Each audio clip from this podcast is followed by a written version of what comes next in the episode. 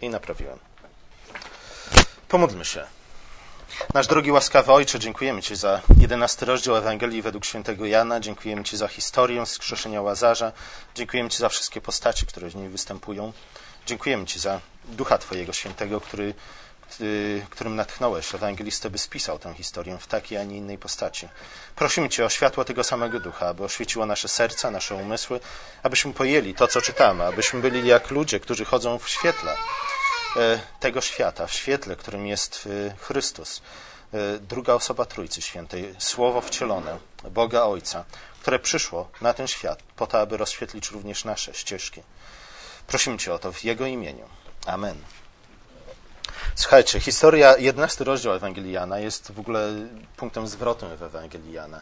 Kiedy, jeśli kiedyś czytaliście Ewangelię Jana, to na pewno zwróciliście uwagę na to, że e, pierwsze 10 rozdziałów opisują trzy lata służby Jezusa, albo trzy lata z kawałkiem. Niektórzy mówią, że to było trzy i pół roku. W każdym razie, trzy lata służby Jezusa. Potem mamy jedenasty rozdział, bardzo długą historię. A później mamy kolejne dziesięć rozdziałów, nie? także jedenasty rozdział jest dokładnie w połowie Ewangelii Jana i kolejne dziesięć rozdziałów opowiadają o ostatnim tygodniu życia Jezusa. Nie? I zobaczcie, na, na, pewno zwróciliście uwagę też na to, że wskrzeszenie Łazarza jest zapowiedzią tego, co się wydarzy 10 rozdziałów później, nie? czyli wskrzeszeniem Jezusa. Również Jezus został włożony do, do pieczary, do grobu, który wyglądał jak pieczara. Również w jego historii pojawiają się kobiety przy grobie, również w jego historii widzimy głaz, który jest odtoczony. Również w jego historii czytamy o, o y, szatach czy też o całunie, w który został zawinięty, gdy, gdy był składany do grobu. Te dwie historie e, mają wiele podobieństw. Ta historia najwyraźniej została umieszczona przez Jana w tym, a nie w innym miejscu, po to, żeby przygotować nas e, na to, co się później stanie. Pewnie jak kiedyś będziemy omawiać wskrzeszenie Jana w oparciu, wskrzeszenie Jezusa w oparciu o Ewangelię Jana, prawdopodobnie za trzy lata to będzie, E, to zwrócimy również na to uwagę po raz kolejny. Ja nie będę mówił o tych wszystkich podobieństwach, dlatego że dzisiaj chciałbym zwrócić uwagę na, na coś innego, co znajdujemy w tej historii, z której można by powiedzieć pewnie więcej niż jedno kazanie. E, ta historia za, zawiera również e, siódmy cud, w zasadzie znak, jaki jest opisany w Ewangelii Jana. Inne Ewangelie opisują mnóstwo różnych rodzajów cudów. Ta Ewangelia opisuje siedem cudownych znaków. E, one w naszych Bibliach są przetłumaczone, nazwane cudami, ale w zasadzie słowo greckie e, oznacza raczej znak niż cud. Zostały nazwane, przetłumaczone jako cuda ze względu na to, że rzeczywiście to były cuda ale znów nie służyły one przede wszystkim zdziwieniu nas. Jezus nie przyszedł jako sztukmistrz po to, by żeby nas zadziwić, pokazać, y, co potrafi zrobić, a czego my nie potrafimy zrobić. Oczywiście w każdym cudzie, którego on do, dokonywał, była objawiona moc Boża, którą powinniśmy się zachwycać i z powodu której powinniśmy wielbić Boga, ale to nie było wszystko. Nie? Na tym nie możemy się zatrzymać. To było coś więcej. Każdy, każdy dlatego u, u Jana te cuda są nazwane znakami. I później w, pod koniec 20 rozdziału Jan pisze, dlaczego opisał. Po pierwsze stwierdza, że Jezus uczynił dużo więcej. Uczynił tyle, że gdybyśmy spisali wszystkie jego dzieła, to by całego świata nie starczyło, żeby zapełnić księgi e, mówiące o tym, co Jezus uczynił.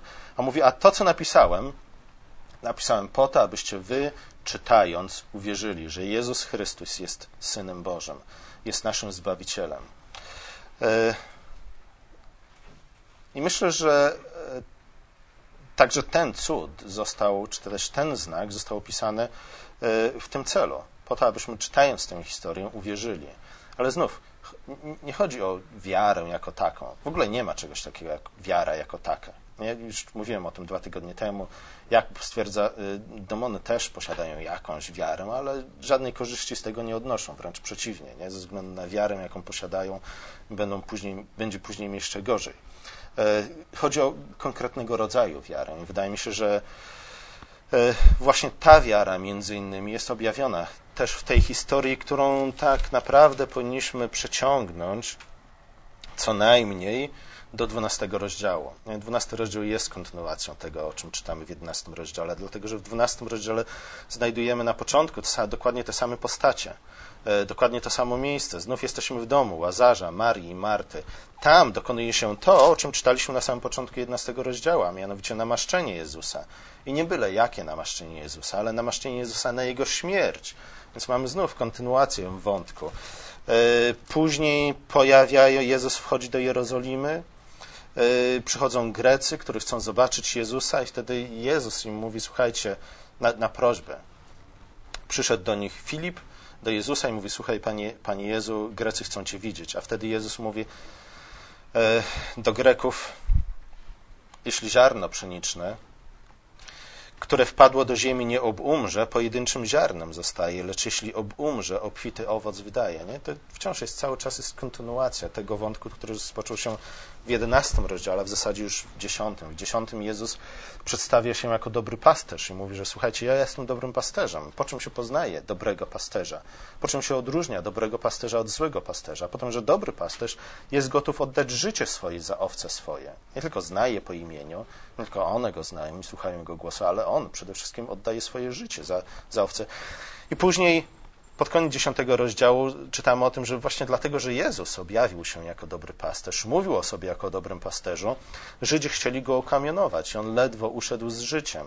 I wyszedł, opuścił okolice Jerozolimy, żeby się na jakiś czas ukryć. E, I w zasadzie wszystkie kolejne pozostałe rozdziały Ewangelii Jana przedstawiają nam Jezusa jako dobrego pasterza, który idzie na śmierć za swoje owce. Także pamiętacie o 11 rozdziale, który jest punktem zwrotnym, który łączy pierwszą z drugą częścią, który jest przygotowaniem drugiej części, który, który tak naprawdę y, przygotowuje scenę na tydzień pasyjny, na to wszystko, co będzie się działo w czasie tygodnia pasyjnego. Ale, ale, y, niestety często przeoczamy przeoczamy to wszystko, co się dzieje w tej historii, dlatego że skupiamy się na jednym jej elemencie, a mianowicie na wskrzeszeniu Łazarza. Nie tak jakby wskrzeszenie Łazarza było jej najważniejszym elementem. Tak jakby Łazarz, być może Jezus też, ale przede wszystkim Łazarz był, był najważniejszą postacią, która pojawia się w tej historii. Ale Łazarz w zasadzie niewiele robi, i nic nie mówi w tej historii. Nie, nie powinniśmy się skupiać na Łazarzu, nie powinniśmy się skupiać na, na samym zmartwychwstaniu, nie? Bo, bo to nie ukazuje nam pełni znaczenia tego fragmentu. E, historia Łazarza często, często jednak, do historii Łazarza, Łazarza często jednak e, nawiązują nie? autorzy różnego rodzaju utworów, czy to literackich, czy jakichś innych. Historia Łazarza pojawia się, często jest wykorzystywana e, po to, by ukazać odrodzenie, nie? Duchowe odrodzenie, moralne odrodzenie, psychiczne odrodzenie, jakiekolwiek odrodzenie. Nie mamy do czynienia z człowiekiem, który cztery dni już leży w grobie, którego ciało już zaczęło się rozkładać, który już cuchnie. E, to jest definitywny koniec. W końcu przychodzi, w którymś momencie przychodzi ktoś, kto jest w stanie dzięki łasce, tudzież dzięki jakiejś cudownej boskiej energii tchnąć e, w to martwe ciało nowe życie.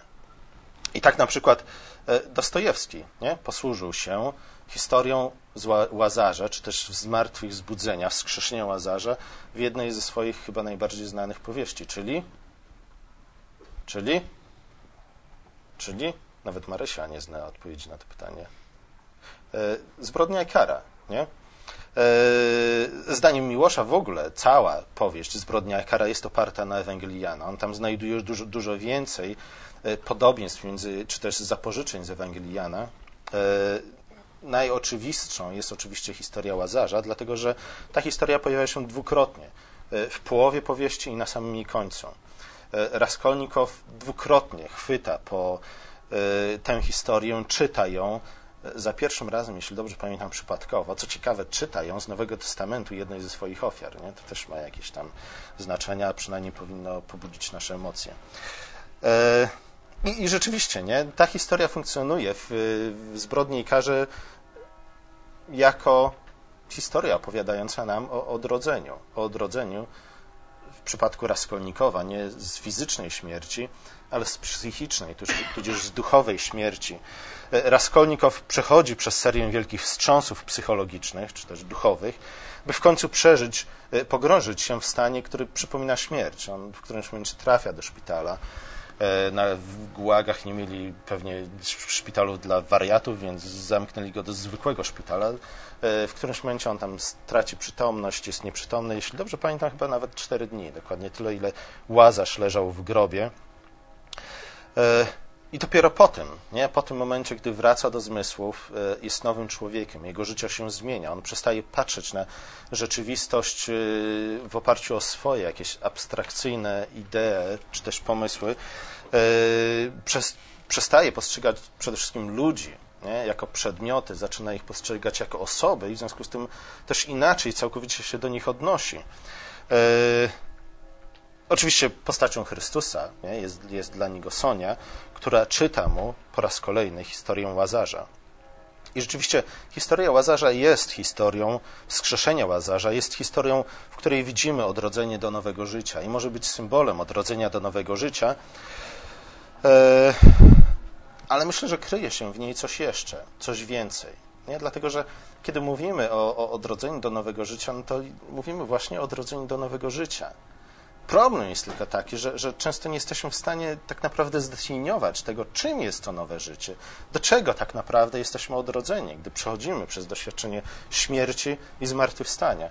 I bardzo często y, krytycy literaccy zarzucają to Dostojewskiemu, że, że, że był świetny y, w opisywaniu zła, był, był jeszcze lepszy w opisywaniu zła, zła, czyli tego, dlaczego zło jest zło i dlaczego, dlaczego zło jest niszczące i do czego zło nas prowadzi e, i tak dalej, i tak dalej. Ale bardzo kiepsko wychodził mu, wychodził mu opis pozytywnych postaci. Nie? Bardzo kiepsko wychodził mu opis. E, to było wszystko takie jakieś miałkie, nierealne. Kiedy patrzymy na pozytywne postaci w powieściach Dostojewskiego to nie są to postaci, które by nas w jakiś szczególny sposób pociągały. Nie?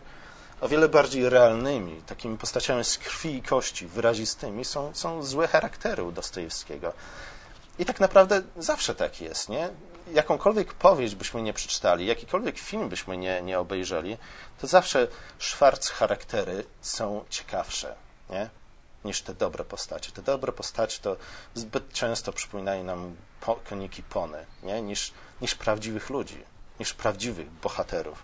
Prawdziwi bohaterowie najczęściej tak giną na samym końcu i widzimy, że całe ich poświęcenie ofiara jest nic nie warta. Niemniej jednak e, wskrzeszenie Łazarza to było rzeczywiście przywrócenie go do nowego życia. Nie, również w naszym życiu dokonało się wskrzeszenie. Również my powstaliśmy do nowego życia. Gdy czytamy drugi rozdział Ewangelii, e, listu do Efezjan, na przykład Paweł tam wyraźnie mówi, byliście martwi. Wy, do których ja kieruję ten, ten list i też wy, którzy będziecie czytać ten list po latach, byliście martwi. Nie? Teraz jednak otrzymaliście nowe życie. Ale znów, czym jest to nowe życie, które otrzymujemy od Chrystusa?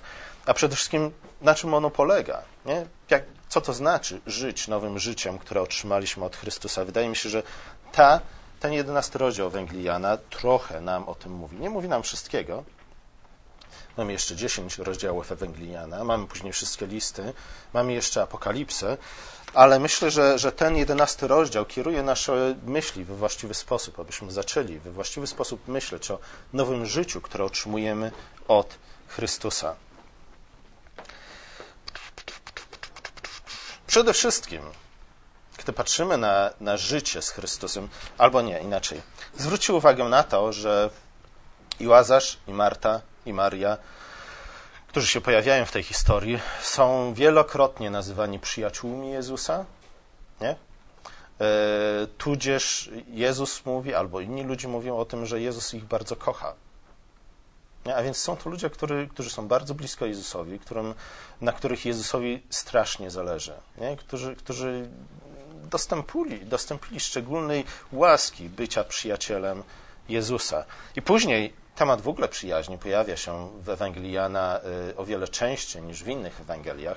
Kiedyś w Reformacji był artykuł Richard Bledsoe na ten temat przyjaźnie, temat przyjaźni w Ewangelii Jana. Później, który to jest chyba 12 właśnie rozdział, nie, 15 rozdział, Jezus mówi o, o, o tym, na czym polega prawdziwa przyjaźń. I mówi, że przyjaźń polega na znów oddawaniu życia za, za przyjaciół. Podobnie na tym samym polega bycie dobrym pasterzem, na oddawaniu życia za, za swoje owce. Na tym polega bycie dobrym rodzicem, na oddawaniu życia za swoje dzieci. E... Także widzimy, że Łazarz i jego siostry były kimś szczególnym dla, dla Jezusa i w życiu Jezusa. E... Ale zobaczcie, w jaki sposób Jezus ich traktuje. Nie, nie, nie, nie za, zaintrygowało was to nigdy.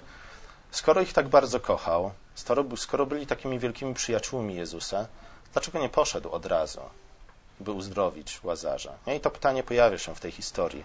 E, I, Maria, I Marta i Maria mówi, Panie, gdybyś przyszedł wcześniej, gdyby ci się zechciało ruszyć wcześniej i przyjść, to by nie umarł. I, i to samo powtarzają niektórzy Żydzi. Mówi, no, skoro tak go miłował, to dlaczego nie przyszedł? Przecież robił inne cuda. Przed chwilą widzieliśmy, jak uzdrowił ślepego od urodzenia. Nie? Dlaczego nie mógł przyjść i pomóc Łazarzowi? Najwyraźniej uważali, że choroba, na którą chorował Łazarz, y, była łatwiejsza w uzdrowieniu niż przywrócenie ślepemu wzroku. Co więcej, Jezus mówi, w gruncie rzeczy to cieszą się, że Łazarz umarł. cieszą się, że odszedł z tego świata. Cieszą się, że mu nie pomogłem, nie? że jego egzystencja się zakończyła. Dziwne słowa, nie? które znów pokazują nam, że, że zmartwychwstanie nie jest tutaj najważniejszym wątkiem, nie? Że, że coś dzieje się więcej w tej historii, że, że Jezus i Jan chcą nam więcej przekazać w tej historii niż tylko zachwyt nad niezwykłą mocą Pana Boga. Nie? Tak jakby Pan Bóg różnił się od nas tylko wyłącznie tym, że może więcej niż, niż my możemy zrobić. Chociaż już niedługo, nie? Niedługo my będziemy też przywracać wzrok ślepym i wskrzeszać, wzbudzać ludzi z martwych. Jezus mówi: Raduję się, że tu nie byłem. Ta historia mówi nam zatem o tym, w jaki sposób, co to znaczy być przyjacielem Pana Jezusa. Co to znaczy być przyjacielem Pana Boga? W jaki sposób Bóg traktuje swoich przyjaciół? Jak mówi tytuł książki, którą kiedyś tam dawno temu yy, wydaliśmy. Nie? Tu widzimy też yy, nawiązanie do historii Hioba. Bardzo podobna historia. Tam również Pan Jezus, Pan Jezus, też Pan Jezus, tam również Bóg E, trójjedyny Bóg e, w zasadzie pozwolił diabłu e, zaatakować Hioba, nie pozwolił mu tamtym razem uśmiercić Hioba. Tutaj pozwala mu uśmiercić Hioba, Łazarza. Historie są podobne, ale najwyraźniej Łazarz musi doświadczyć jako przyjaciel Pana Boga, jak ten, który dochowywał mu zawsze wierności, musi doświadczyć jeszcze więcej niż Hiob doświadczył w swoim życiu. Musi umrzeć ze względu na przyjaźń z Panem Bogiem. E, a przecież chwilę wcześniej, kilka dni wcześniej, może kilka tygodni wcześniej, Jezus, Jezus przedstawił siebie jako dobrego pasterza. Mówił: Słuchajcie, ja jestem dobry pasterz. Nie? To znaczy, że ja moje życie oddaję za moje owce. Później mówił o przyjaźni. Mówi, słuchajcie, wiecie, po czym się poznaje prawdziwego przyjaciela? Potem, że przyjaciel jest gotów oddać swoje życie za innych, za swoich przyjaciół. Nie? Ale tutaj wygląda na to, że Jezus, będąc paste, dobrym pasterzem Łazarza, jego największym przyjacielem, e, pozwolił Łazarzowi umrzeć.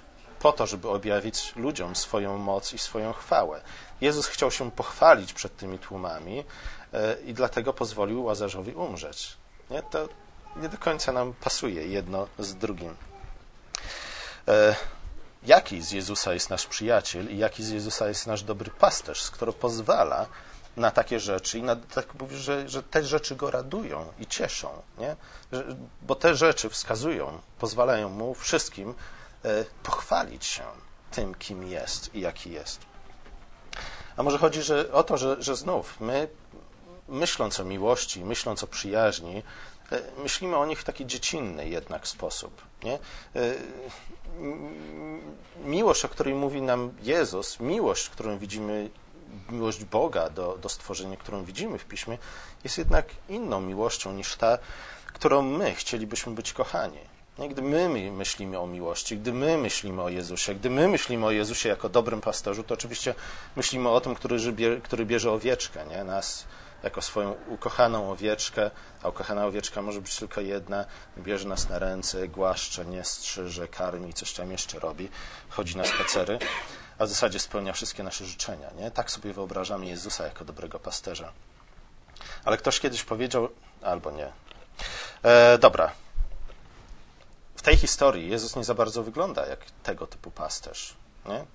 Wygląda na, na, na trochę innego pasterza niż ten, którego widzimy często na obrazkach ukazujących go jako dobrego pasterza.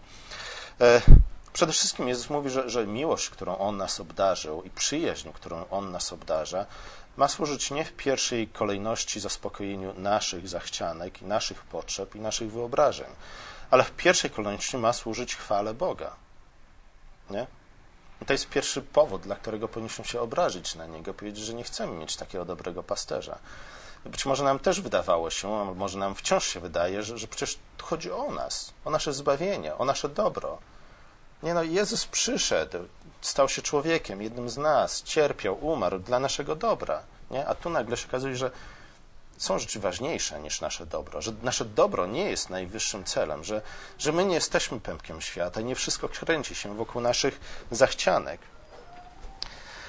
E, a jednak, a jednak przyszedł Jezus na ten świat, stał się jednym z nas, jak czytamy w liście do Hebrajczyków, wycierpiał i doświadczył tego wszystkiego, czego my doświadczamy, za wyjątkiem grzechu, bo nas umiłował. E, w końcu poszedł na krzyż dla naszego dobra i, i prawdziwie cierpiał i prawdziwie umarł. Nie? To nie było nic udawanego. To nie było tak, jak jacyś tam doketyści w pierwszym, drugim, trzecim wieku twierdzili, że, że to było wszystko udawane, nie? albo że to było tak jak na, w żywocie Briana, że wisiał, niby umarł, ale tak naprawdę nic go nie bolało. Nie. Bóg umarł, przyszedł, stał się człowiekiem, jednym z nas i umarł dla naszego szczęścia, dla naszego dobra. Między chwałą Boga a naszym dobrem nie ma żadnego konfliktu, nie ma żadnej niezgody. Nasze dobro wynika z chwały Boga. To, co przynosi chwałę Boga, służy również naszemu dobru. Choć, i, i o tym powinniśmy pamiętać, może to jest najtrudniejsze dla nas do, do, do zaakceptowania, że niekoniecznie chwała Boga służy naszemu dobru w sposób i w czasie, jaki sobie wymyśliliśmy. Nie? Niekoniecznie służy w sposób i w czasie, jaki sobie wymyśliliśmy. My zaplanowalibyśmy to wszystko w inny sposób. I wydaje mi się, że, że tego typu nostalgia jest widoczna w słowach Marty i Marii, a także niektórych Żydów. Mówią, Panie, gdybyś tu był, wszystko potoczyłoby się inaczej. Panie, gdybyś, Panie, gdybyś tylko nas zapytał się, jak to powinno się potoczyć, nie? Wszyscy teraz byśmy, nikt z nas by nie płakał. Jeśli, jeśli byśmy płakali, to ze szczęścia i z radości. Zamiast stypy mielibyśmy wesele i tak dalej, i tak dalej, nie? Panie no, bądźże trochę bardziej ludzki, nie? Wczuj się trochę bardziej w, nasze, w naszą sytuację. Ale znów, nie? żeby zrozumieć, czym jest miłość, żeby zrozumieć, czym jest przyjaźń, żeby zrozumieć też to, jak my na przykład jako rodzice mamy kochać nasze dzieci albo kochać siebie nawzajem, e, powinniśmy przede wszystkim patrzeć na tą pierwotną, podstawową relację e, międzyosobową, jaką widzimy w piśmie, czyli relację między ojcem i synem, między pierwszą i drugą osobą Trójcy Świętej. E, czy ojciec nie kochał syna? Nie? Czy Bóg Ojciec nie kochał swojego Syna? Jak najbardziej go kochał, a jednak posłał go na pewną śmierć. Posłał go, by, by wycierpiał rzeczy, jakich nikt z nas nie byłby w stanie znieść. No i właśnie w tym objawiła się nie tylko miłość syna do nas, ale w pierwszej kolejności miłość ojca do syna, że ojciec posłał syna na krzyż. Nie? To jest miłość e, prawdziwa. Nie? To jest miłość taka, jaką powinna być. To jest miłość dojrzała.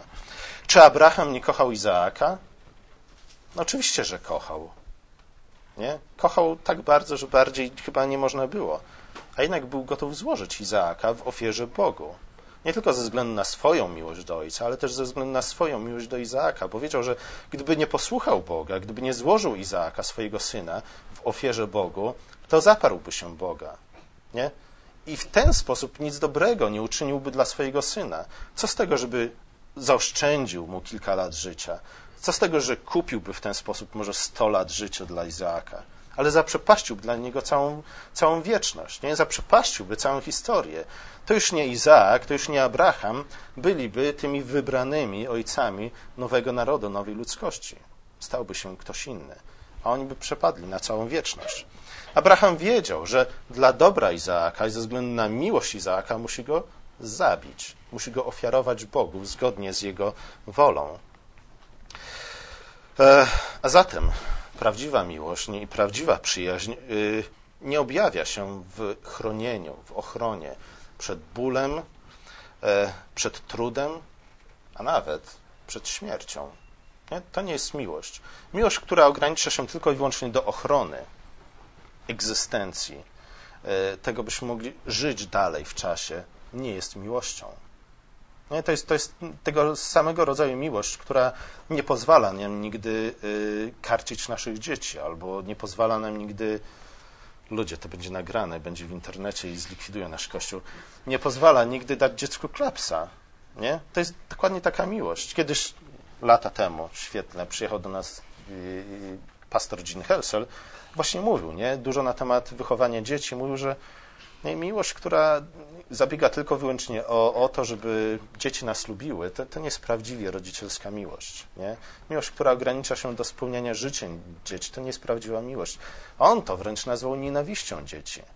Nie? Bo nie prowadzi ona nasze dzieci do dojrzałości, więc do tego, kim mają być. Czyni im krzywdę, dlatego że zostawia je na, na poziomie dziecinnym. I o ile nie ma nic złego w byciu dzieckiem w wieku dziecięcym, to jest wielkie zło w byciu dzieckiem w wieku dorosłym.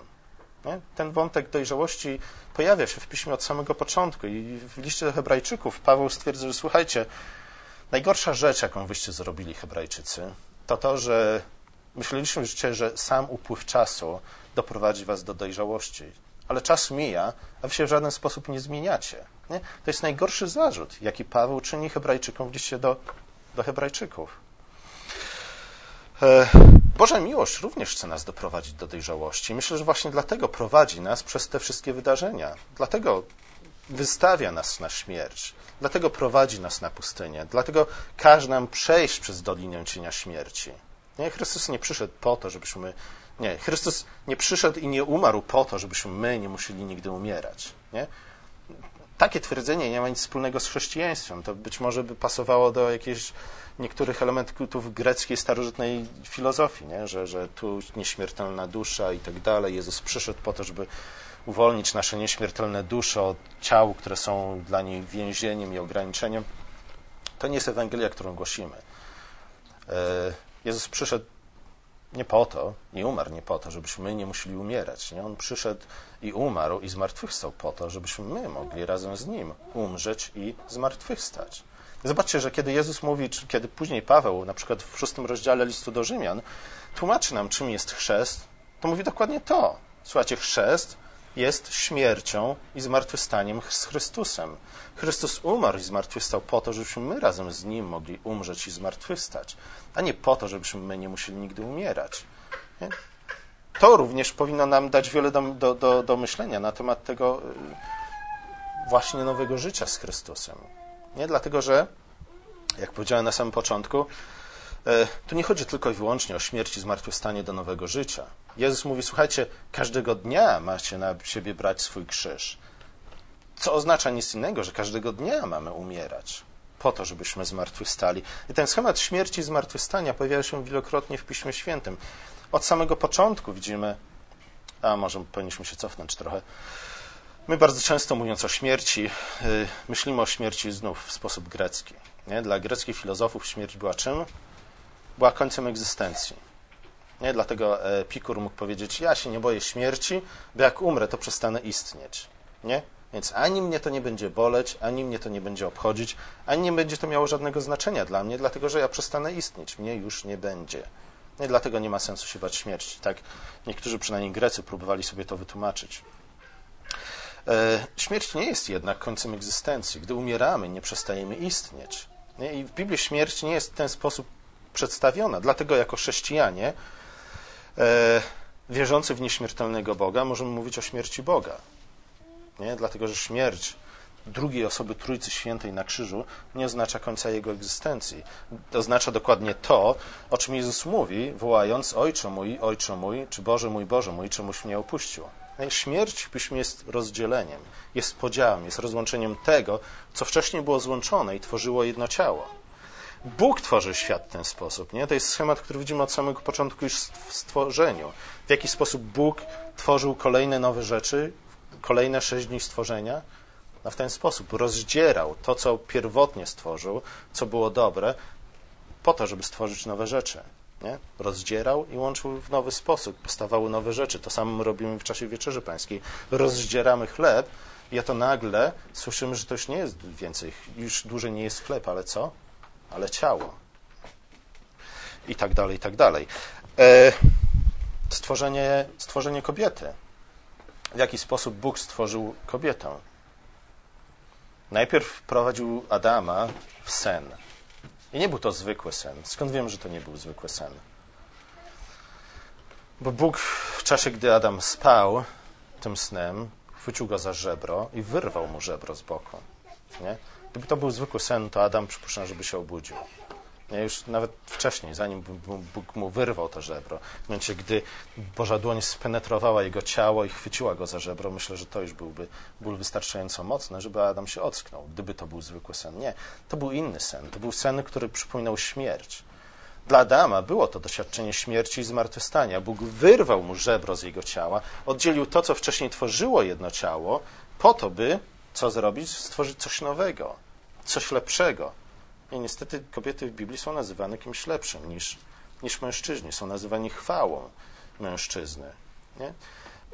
Ten podział, czyli śmierć, prowadził do zmartwychwstania, czyli stworzenia czegoś nowego, czegoś lepszego.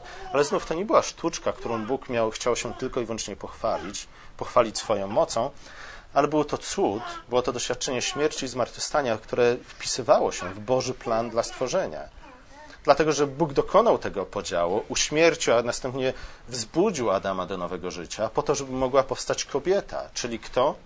Pomoc dla niego odpowiednia. Do tej pory nie było pomocy dla niego odpowiedniej. Dopiero kiedy Bóg stworzył kobietę, stwierdził po raz pierwszy w Piśmie Świętym, stwierdza, że oto to, co stworzył, jest bardzo dobre, a nie tylko dobre.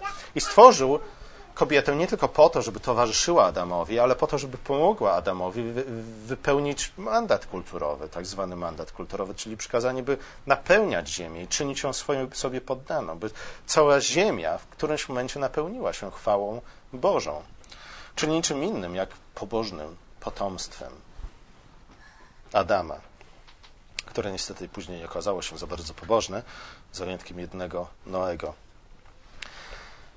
Ale to nie wszystko, dlatego że zaraz w następnym wierszu czytamy o kolejnej śmierci i zmartwychwstaniu. Pamiętacie?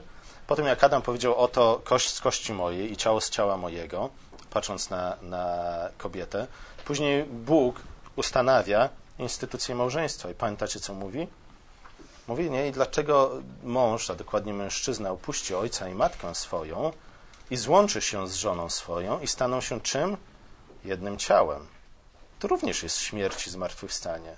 Mam nadzieję, że to widzicie. Nie? Matka rodzi dziecko.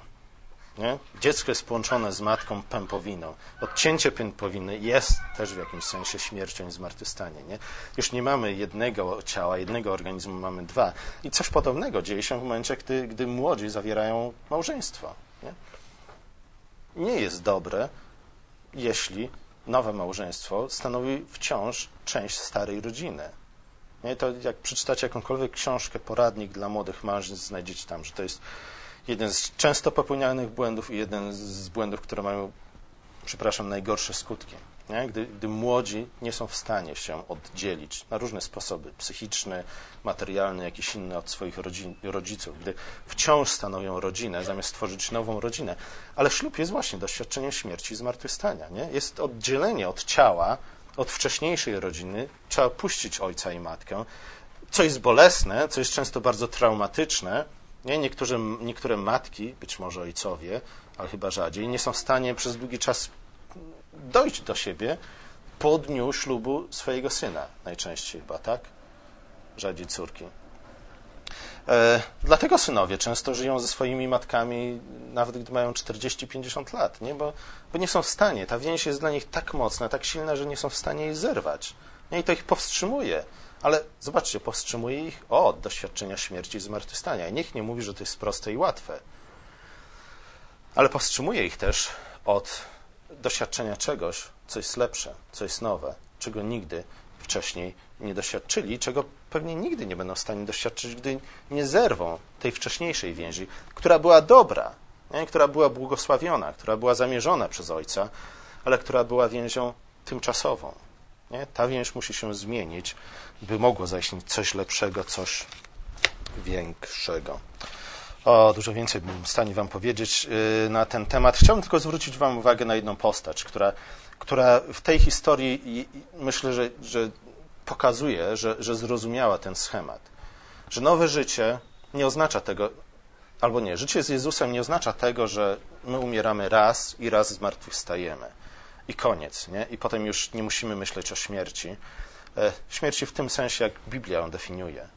Nie? Jedna postać tej historii zrozumiała, że, że nie, to ma być nasz normalny schemat postępowania. E, musimy być tym ziarnem. Nie? Schemat ziarna, które wpada i umiera po to, by wydać owoc, zwróćcie uwagę na to, nie? Tu jest mowa nie tylko i wyłącznie o odrodzeniu do nowego życia. W zasadzie to ziarno samo w sobie się nie odradza. Nie, to ziarno rodzi nowe, nowe ziarna, rodzi, rodzi obfitszy owoc, rodzi lepszy owoc. No i tak ma wyglądać nasze życie.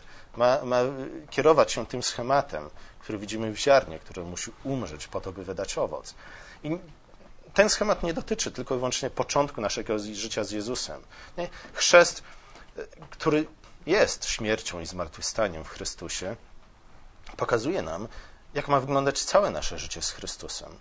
Nie? My ciągle na nowo musimy umierać i rodzić się na nowo. E, ciągle musimy poświęcać się dla innych ludzi. Ciągle musimy z czegoś rezygnować ze względu na coś lepszego. Nie możemy być, innymi słowy, e, takimi stricte konserwatystami, którym zależy tylko i wyłącznie na zachowanie tego, co mamy. Jeśli się skoncentrujemy na, na utrzymaniu tego, co mamy, wszystko stracimy. I to też jest słowa, które Jezus wielokrotnie powtarza. Mówi, co z tego, że, że zachowasz swoją duszę przy życiu, jeśli cały świat stracisz? Jeśli chcesz zyskać cały świat, czyli innymi słowy, jeśli chcesz rzeczywiście włączyć się w wypełnienie tego pierwotnego przykazania, które nam dał Bóg, byśmy zbudowali Królestwo Boże, byśmy napełnili świat chwałą Bożą, musimy zrezygnować z naszego życia. Nie? Musimy być gotowi wypuścić je po to, by otrzymać je na nowo, nie? od Boga, w nowej postaci, w lepszej postaci. Dlatego też kaznodzieja Salomon mówi: Słuchajcie, nie bójcie się rzucać wasze chleby na wodę. Nie? Dlaczego? Dlatego, że po wielu dniach one wrócą do was. Jeśli wy będziecie dobrzy dla innych ludzi, to wbrew temu, co czytacie w wielu powieściach i co widzicie w różnych filmach, y, to do Was wróci. Nie? Dobroć, jaką okazujecie innym ludziom, może nie doświadczycie wdzięczności od razu, może nie doświadczycie wdzięczności od ludzi, którym uczyniliście dobro, ale to do Was kiedyś wróci. Nie? Ze względu na to, że ten świat funkcjonuje i może funkcjonować tylko i wyłącznie według tego jednego schematu śmierci i zmartwychwstania. To wydaje się, że rozumie Maria.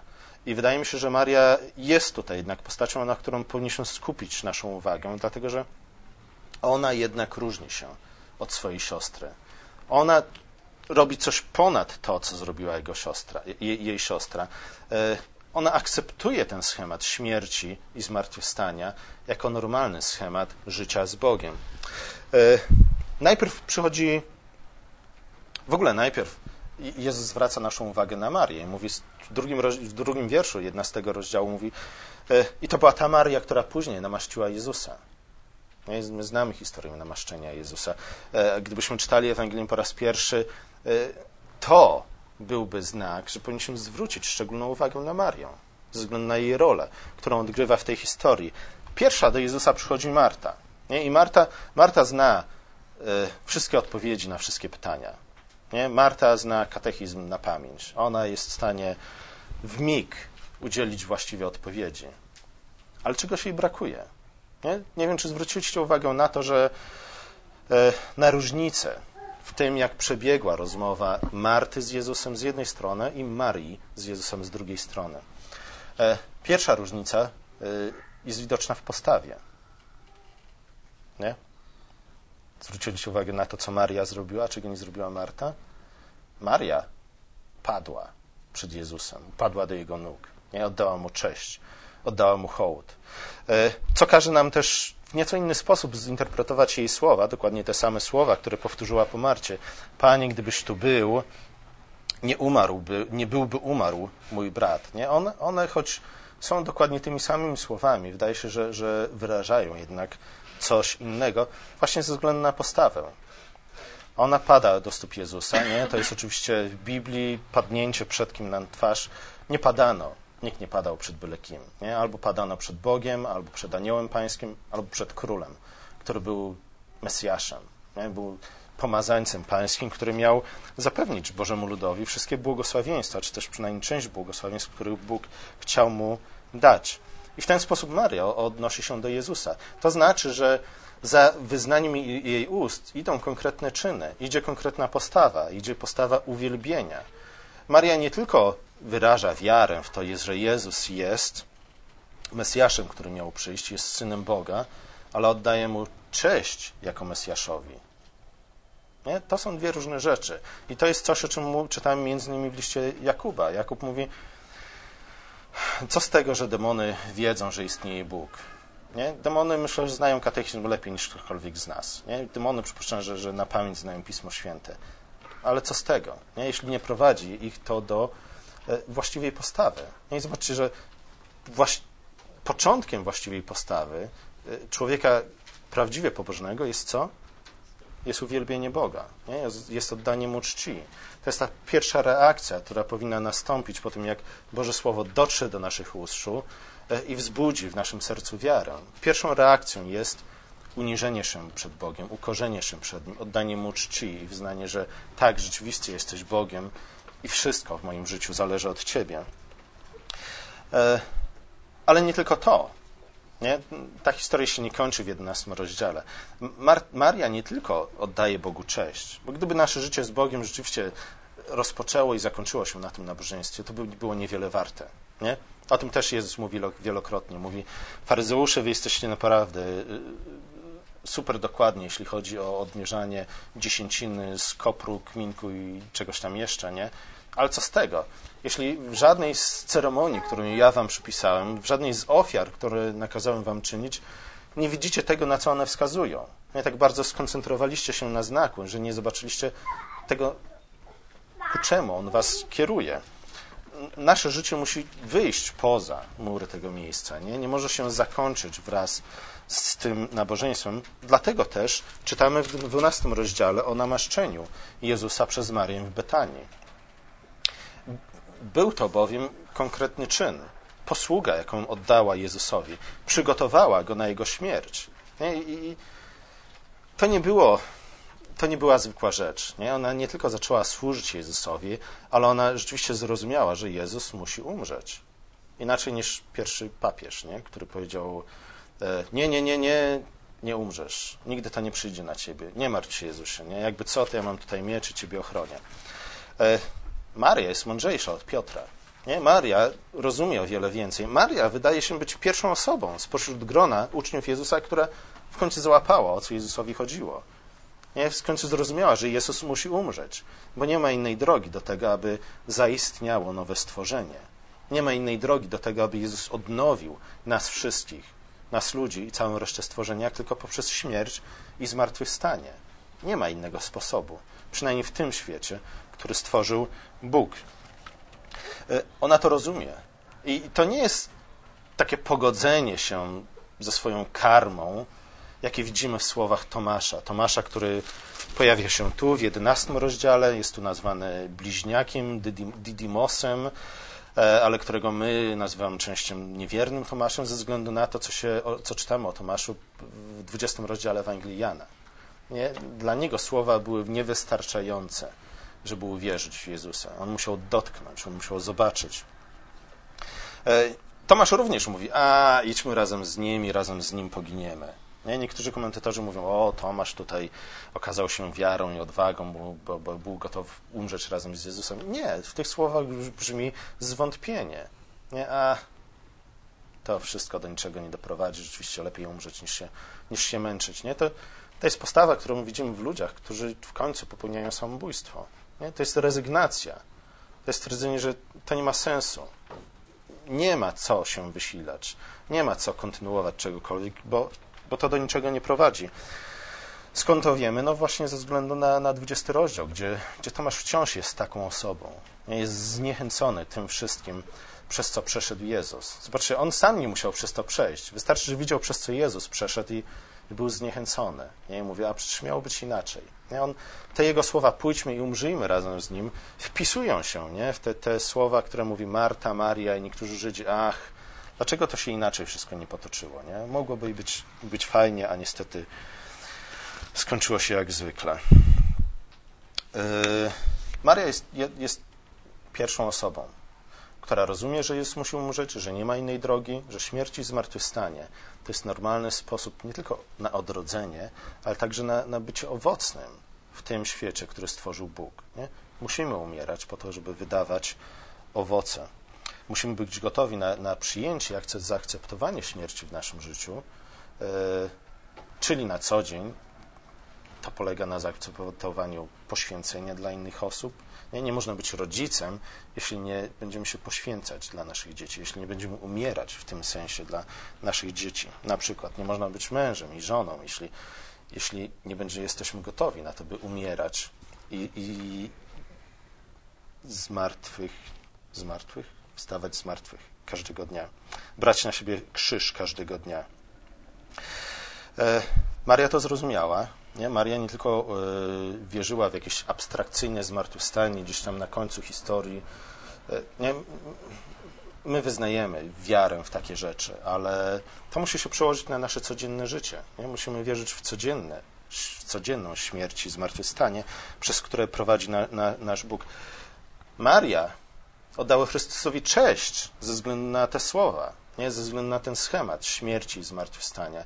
Ona uwielbiła Boga ze względu na to, że stworzył ten świat w ten sposób i objawił jej, to, że zrozumiała w końcu, dlaczego e, chleb zdobywamy w taki, a nie w inny sposób. Przecież Bóg mógł to uczynić całkowicie inaczej. Nie? Bóg mógł rządzić ten świat całkiem inaczej. Jednak On urządził go tak, a nie inaczej, bo chciał wyrazić też coś na swój temat nie? w swoim dziele, ale chciał też nas nauczyć. Na przykład poprzez to, co robią rolnicy i, i, i młynarze i piekarze nie? każdego roku. Ale Maria poszła dalej. Nie? Ona nie tylko oddała cześć ze względu na prawdę, którą słyszała i którą zrozumiała, ale ona też zaczęła żyć. Ona zaakceptowała ten schemat i dlatego namaściła Jezusa na jego śmierć. Ona przestała się bronić przed tym schematem i przed takim życiem, ale przyjęła je i dlatego, dlatego do tej pory i do końca historii, do końca świata, ona będzie dla nas przykładem osoby, która jako pierwsza zrozumiała, o co chodziło Jezusowi w jego życiu i w jego nauczaniu. A zatem, wracając do Dostojewskiego, a w zasadzie już powinniśmy skończyć. Dostojewski nie jest taki ważny. Yy...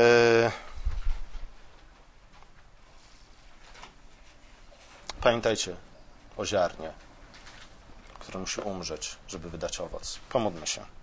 Nasz drogi łaskawy Ojcze, dziękujemy Ci za tę historię.